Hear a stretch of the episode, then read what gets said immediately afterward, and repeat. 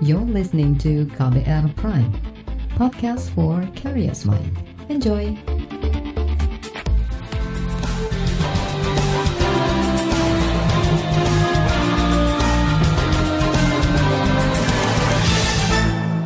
Halo saudara, senang sekali kami bisa menyapa Anda kembali melalui program KBR Sore, edisi awal pekan Senin 31 Januari 2022. Saya Agus Lukman kembali menemani Anda selama kurang lebih 30 menit ke depan. Sore ini kita akan membahas pemberlakuan kebijakan Domestic Market Obligation atau DMO atau kewajiban pemenuhan pasar domestik pada minyak goreng mulai besok Kebijakan ini diambil agar harga minyak goreng di pasar lebih stabil dan terjangkau untuk masyarakat. Sebab sejak akhir tahun lalu harga minyak di pasaran melambung tinggi. Namun bagaimana dampak kebijakan ini terhadap para petani sawit dan apakah akan berdampak pada harga beli buah sawit?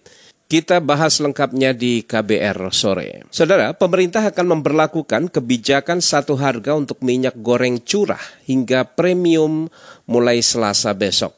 Ini dilakukan untuk memastikan stabilitas harga yang sempat meningkat lantaran harga minyak kelapa sawit mentah atau CPO di dunia melambung.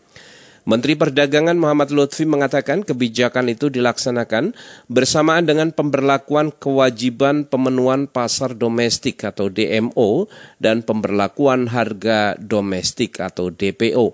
Tujuannya agar program minyak goreng satu harga ini bisa berjalan tanpa merugikan produsen maupun konsumen. Berikut penjelasan Menteri Perdagangan Muhammad Lutfi dalam rapat dengar pendapat bersama DPR hari ini. Adapun penetapan harga eceran tertinggi HET untuk minyak goreng dengan rincian minyak goreng curah sebesar 11.500 per liter, minyak goreng kemasan sederhana, sederhana sebesar 13.500 per liter, dan minyak goreng kemasan premium sebesar 14.000 per liter. Kebijakan harga eceran tertinggi ini akan mulai berlaku pada 1 Februari 2022. Sebagai langkah kebijakan stabilisasi harga minyak goreng ke depan, Kementerian Perdagangan akan menerapkan kebijakan market domestic market obligation dengan memasukkan juga domestic price obligation dan terus menjaga dan memenuhi ketersediaan minyak goreng dengan harga terjangkau. Mekanisme kebijakan DMO berlaku wajib untuk seluruh produsen minyak goreng yang akan melakukan ekspor sebesar 20% dari volume ekspor masing-masing. Seiring dengan penerapan kebijakan DMO, pemerintah juga menerapkan kebijakan domestic price obligation yang ditetapkan sebesar 9.300 per kilogramnya dan untuk CPO dan 10.300 per liter untuk uh, olein. Jadi kalau kita convert dikali 0,9 maka kira-kira harga daripada uh, CPO termasuk uh, sebelum sebelum PPN setelah PPN itu adalah 8.300 per kilogram per liternya. Itu tadi Menteri Perdagangan Muhammad Lutfi. Sementara itu Direktur Jenderal Perdagangan Dalam Negeri Oke Nurwan menegaskan eksportir CPO diwajibkan menyisihkan 20% dari kuota ekspornya untuk kebutuhan dalam negeri.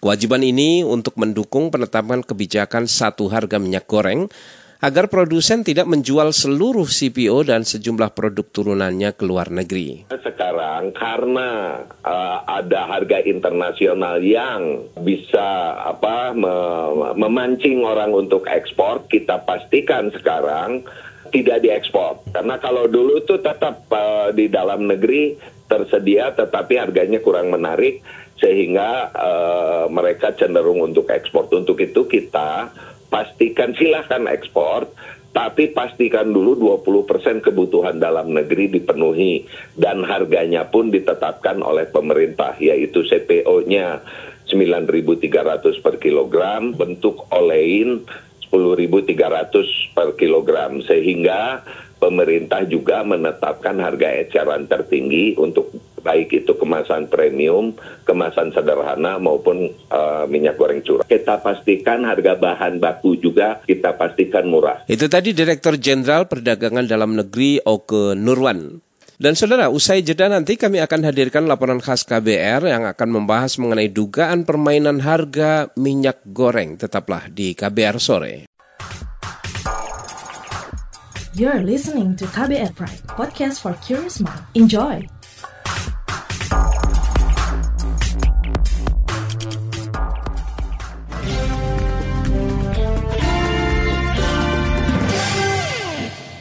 Saudara, sudah hampir dua pekan pemerintah memperlakukan pengendalian harga minyak goreng dengan kebijakan minyak goreng satu harga. Namun di lapangan masih ada minyak goreng yang mahal dan langka.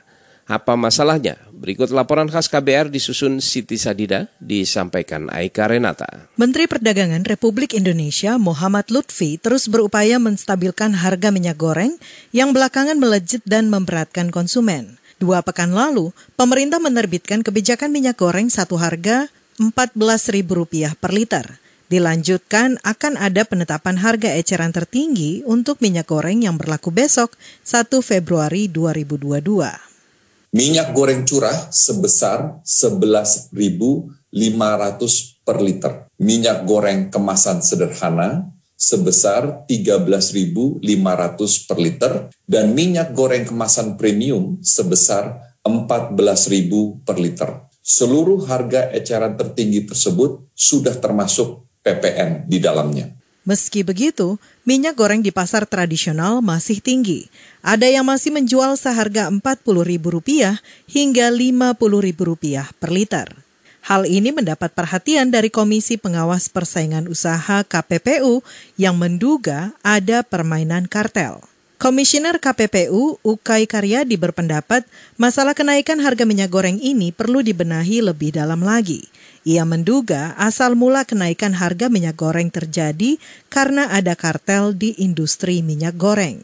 Karena struktur pasarnya oligopoli, potensi penyalahgunaan posisi dominan baik di hulunya maupun di hilirnya. Sinyal terjadinya pelanggaran persaingan usaha itu juga diperkuat karena harganya naiknya bersama-sama. Hmm. Harusnya kan ketika misalnya grup PTA menaikkan harga minyak goreng, kalau PTB-nya tidak menaikkan kan itu peluang dia untuk mengambil alih ini ya pangsa pasarnya PTA. Karena kan masing-masing punya kebunnya sendiri-sendiri gitu. Nah ini hmm. semakin memperkuat eh, KPPU bahwa ini semacam ada kesepakatan di antara mereka dalam hal menentukan uh, pasokan ke pasar maupun dalam rangka menetapkan harga yang tinggi tersebut. Ukai juga melihat kebijakan minyak goreng satu harga Rp14.000 per liter yang diterbitkan belum terimplementasikan dengan baik. Sejak kebijakan minyak goreng satu harga berlaku 19 Januari, masih terjadi kendala distribusi yang menyebabkan kelangkaan minyak goreng di pasar. Kalau KPPU konsennya tentunya ke struktur pasar di industri minyak goreng ya yang cenderung oligopoli di mana pasar minyak goreng ini mayoritas disuplai oleh beberapa perusahaan saja. Padahal kan pasarnya dari Sabang sampai Merauke dibutuhkan oleh 250 juta penduduk Indonesia, tetapi pemainnya sedikit. Nah tentunya ini sangat rentan karena mereka memiliki posisi dominan di pasar. Pada hari ini misalnya baik di pasar tradisional maupun di retail modern mengatakan bahwa mereka kurang pasokan dari distributor maupun dari pabrik-pabrik minyak goreng. Hmm. Di sisi lain dari pihak industri minyak gorengnya mengatakan barang itu ada. Nah, ini di mana sebenarnya? Hmm. Kalau produksinya tetap berjalan ya artinya mereka tidak tergoda CPO-nya diekspor ke luar negeri tentunya harusnya segera digelontorkan ke pasar. Masalah lain datang dari pedagang di pasar tradisional yang masih memiliki stok minyak goreng lama. Ketua DPP Ikatan Pedagang Pasar Indonesia, Abdullah Mansuri mengatakan, pedagang pasar kesulitan menyesuaikan harga karena masih memiliki stok lama. Stok yang kita miliki itu sesungguhnya stok-stok lama dengan harga yang cukup tinggi. Sampai ya. detik ini saja sampai detik ini harga masih 18.500 ini karena apa? Karena menggunakan stok lama. Celakanya pemerintah mendahulukan retail modern dengan harga 14.000 sehingga ada panik baik, ada diserbu sama masyarakat, bahkan dijual ke pasar agar pasar menjual dengan harga tinggi. Ini hmm. yang nggak masuk. Awal mula kami mendorong agar pasar tradisional dulu dibenahi, hmm. distribusinya dibenahi, eh, pengawasannya dibenahi. Kalau itu sudah dibenahi, dilakukan komunikasi dengan baik, maka kami meyakini bahwa stabilitas harga secara nasional itu bisa kita selesaikan, bisa kita pantau dan bisa kita awasi. Kalangan DPR meminta agar pemerintah mengambil sikap terkait dugaan permainan harga dan stok di lapangan. Anggota Komisi Perdagangan di DPR, Amin Aka, meminta pemerintah memberi sanksi jika ditemukan pelaku permainan stok di lapangan. Tinggal pengawasannya, pengawasannya betul dan orang-orang yang pihak-pihak tertentu yang bermain ya, melakukan penumpukan barang dan barang tidak didistribusikan ke pasar-pasar tradisional sehingga bisa terjangkau oleh rakyat banyak nah, sehingga harga tetap tinggi ya harus dikasih sanksi. Ya pemerintah kan punya kewenangan untuk itu. Laporan ini disusun Siti Sadida. Saya Aika Renata. Saudara, kebijakan pemerintah memperlakukan satu harga untuk minyak goreng membuat petani sawit resah. Karena jika kebijakan ini ditetapkan, maka harga jual CPO tidak lagi mengikuti harga dunia. Lalu bagaimana tanggapan Asosiasi Petani Sawit? Selengkapnya akan hadir usai jeda, tetaplah di KBR Sore. You're listening to KBR Pride, podcast for curious mind. Enjoy!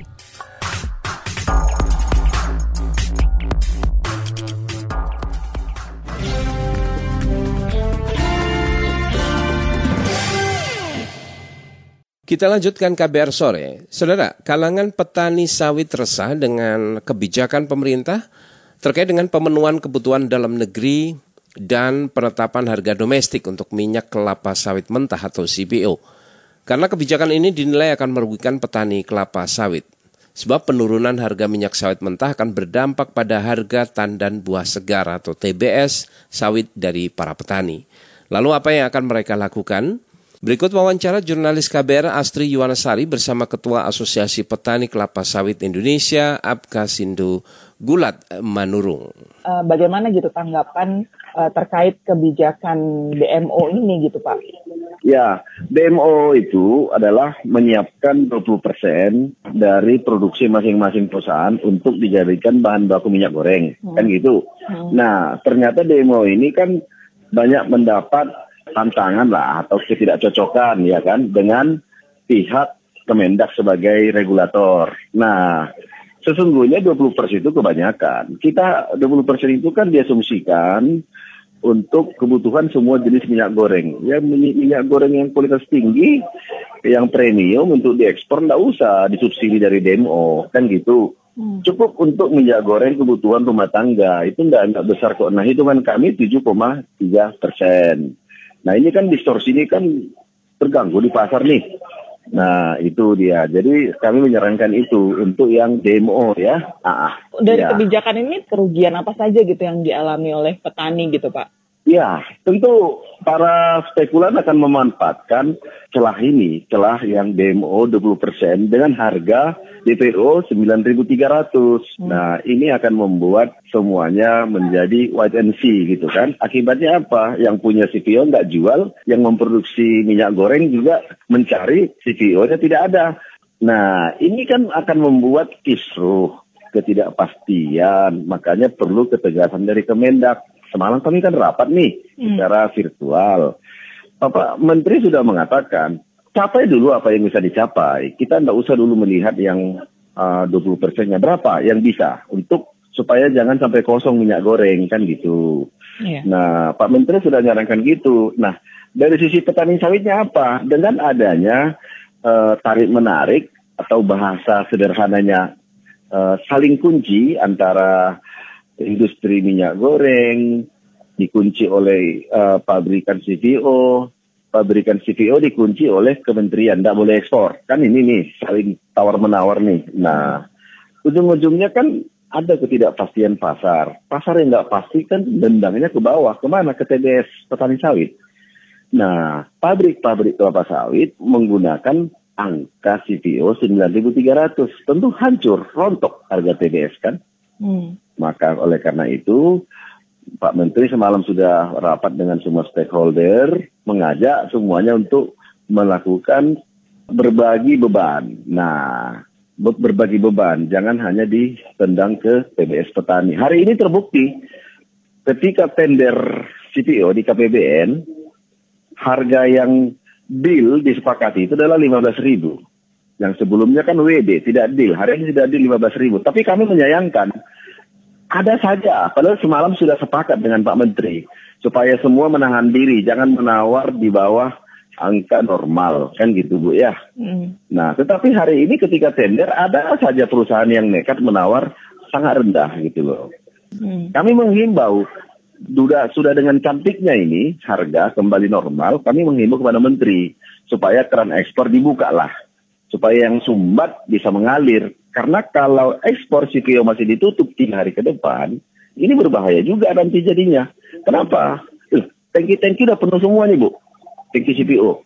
Tentu kalau sudah tangki CPO penuh, maka pabrik kelapa sawit PKS tidak akan membeli TBS petani lagi. Kenapa? Pabriknya penuh, tangkinya gimana? Kalau mau mengolah TBS kan hasilnya CPO. Sementara tangkinya udah penuh, maka akan berpengaruh kembali. Gitu loh. Ini yang hmm. harus kita cermati. Artinya hulu, tengah, dan hilir sudah saling bersepakat. Ya, saatnya juga pemerintah juga melihat ini menuju perbaikan gitu. Mm-hmm. Tapi uh, bagi kami catatan itu catatan penting ketika sudah sepakat semalam dengan Pak Menteri supaya semua perusahaan-perusahaan yang ikut tender CPO di KPBN supaya menawar dengan harga normal. Tetapi ada beberapa perusahaan yang juga nekat. Bagi kami itu bukan NKRI. Mm-hmm. Mereka adalah mementingkan kepentingan pribadi gitu loh. Mm-hmm. Harusnya kita bersepakat gitu. Kalau ini rusak, bukan hanya petani yang rugi, semuanya bu. DPD PKS nggak dapat duit, negara nggak dapat devisa, perusahaan juga akan kena blacklist oleh mitranya di luar negeri.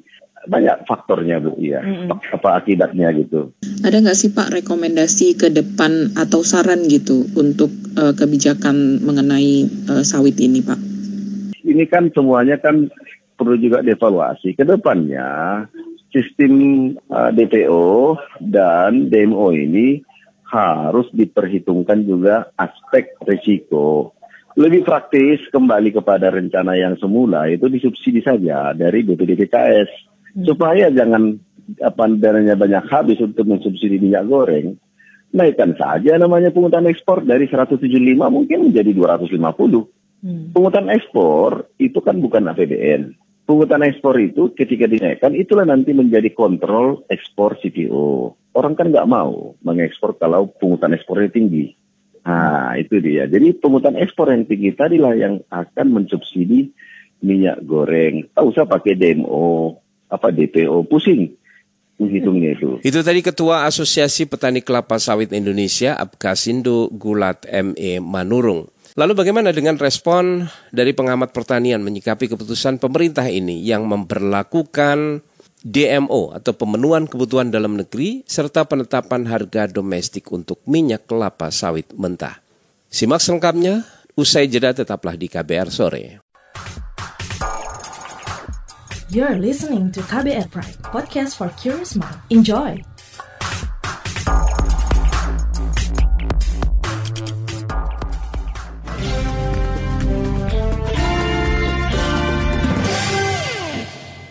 Saudara, pengamat pertanian mengapresiasi kebijakan pemerintah yang menetapkan kewajiban pemenuhan kebutuhan minyak sawit mentah atau CPO dan produk turunannya untuk pasar dalam negeri.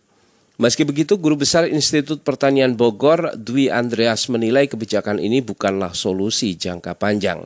Selengkapnya simak wawancara reporter KBR Mutia Kusuma bersama dengan Guru Besar IPB Dwi Andreas berikut ini. Apa yang perlu diperhatikan pemerintah Pak terkait kebijakan DMO pada CPO dan RPDPO agar tidak merugikan petani sawit Pak? Sebenarnya sih nggak akan ada yang dirugikan ya dengan kebijakan itu.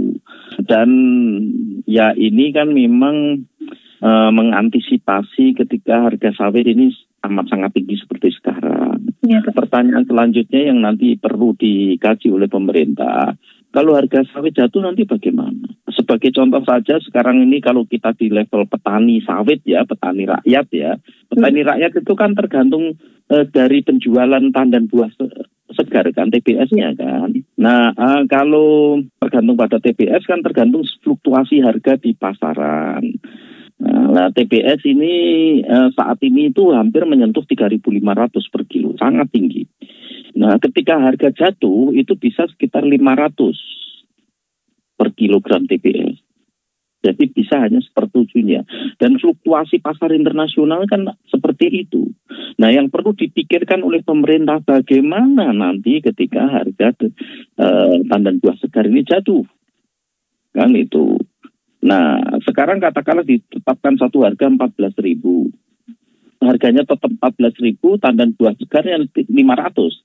Ya perusahaan-perusahaan besar ya yang punya PKS, pabrik kelapa sawit, yang punya yang mengkonversi minyak sawit ke minyak goreng, ya amat bersukaria lah akan ada selisih uh, yang sangat besar bagi mereka. Karena yang dibeli dari petani memang sangat rendah. Jadi jadi itu. Jadi ya kebijakan memang kalau menurut saya sih uh, karena Indonesia ini sudah mengintegrasikan sistem pangan Indonesia ke sistem pangan dunia ya kebijakan sih ya uh, perlu fleksibel gitu. Karena apa? Harga minyak sawit yang tinggi sekarang ini, ini hanya sementara Um, bulan depan aja lah, sudah saya pastikan nanti akan mulai turun pelan-pelan.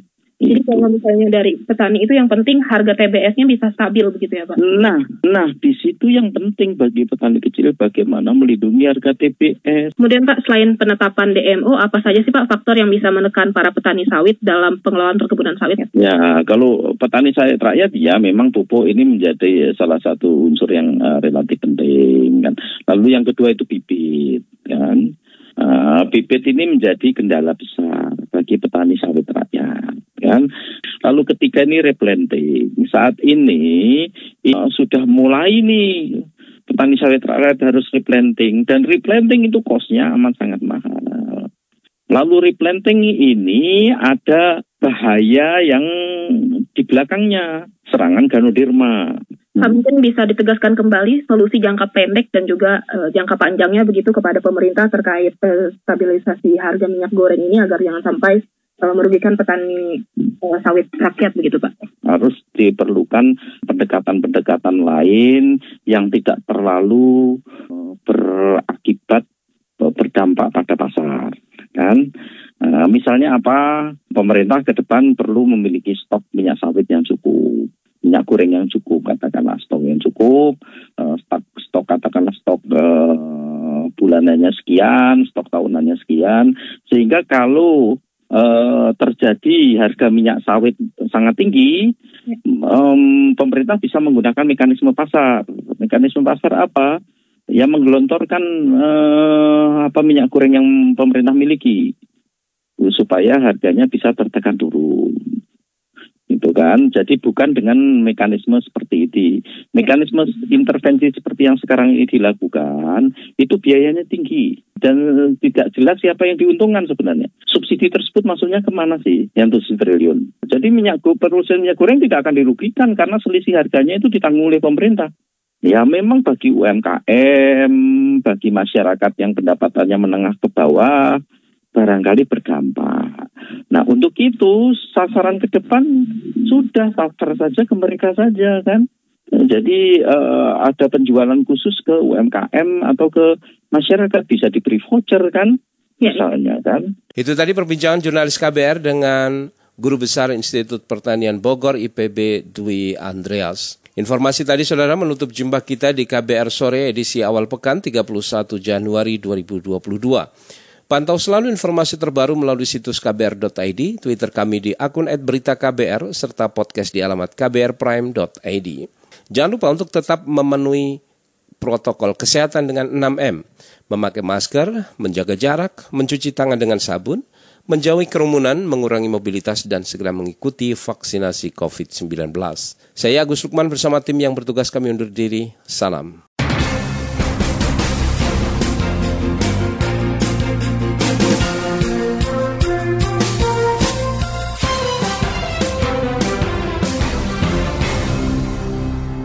KBR Prime, cara asik mendengar berita. KBR Prime, podcast for curious mind.